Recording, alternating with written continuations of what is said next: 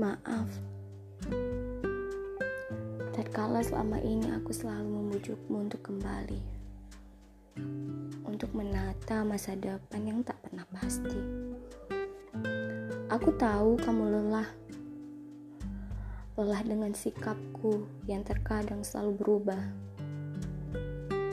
Tapi adakah sedikit waktumu untuk memperhatikanku? Ya, meski ku tahu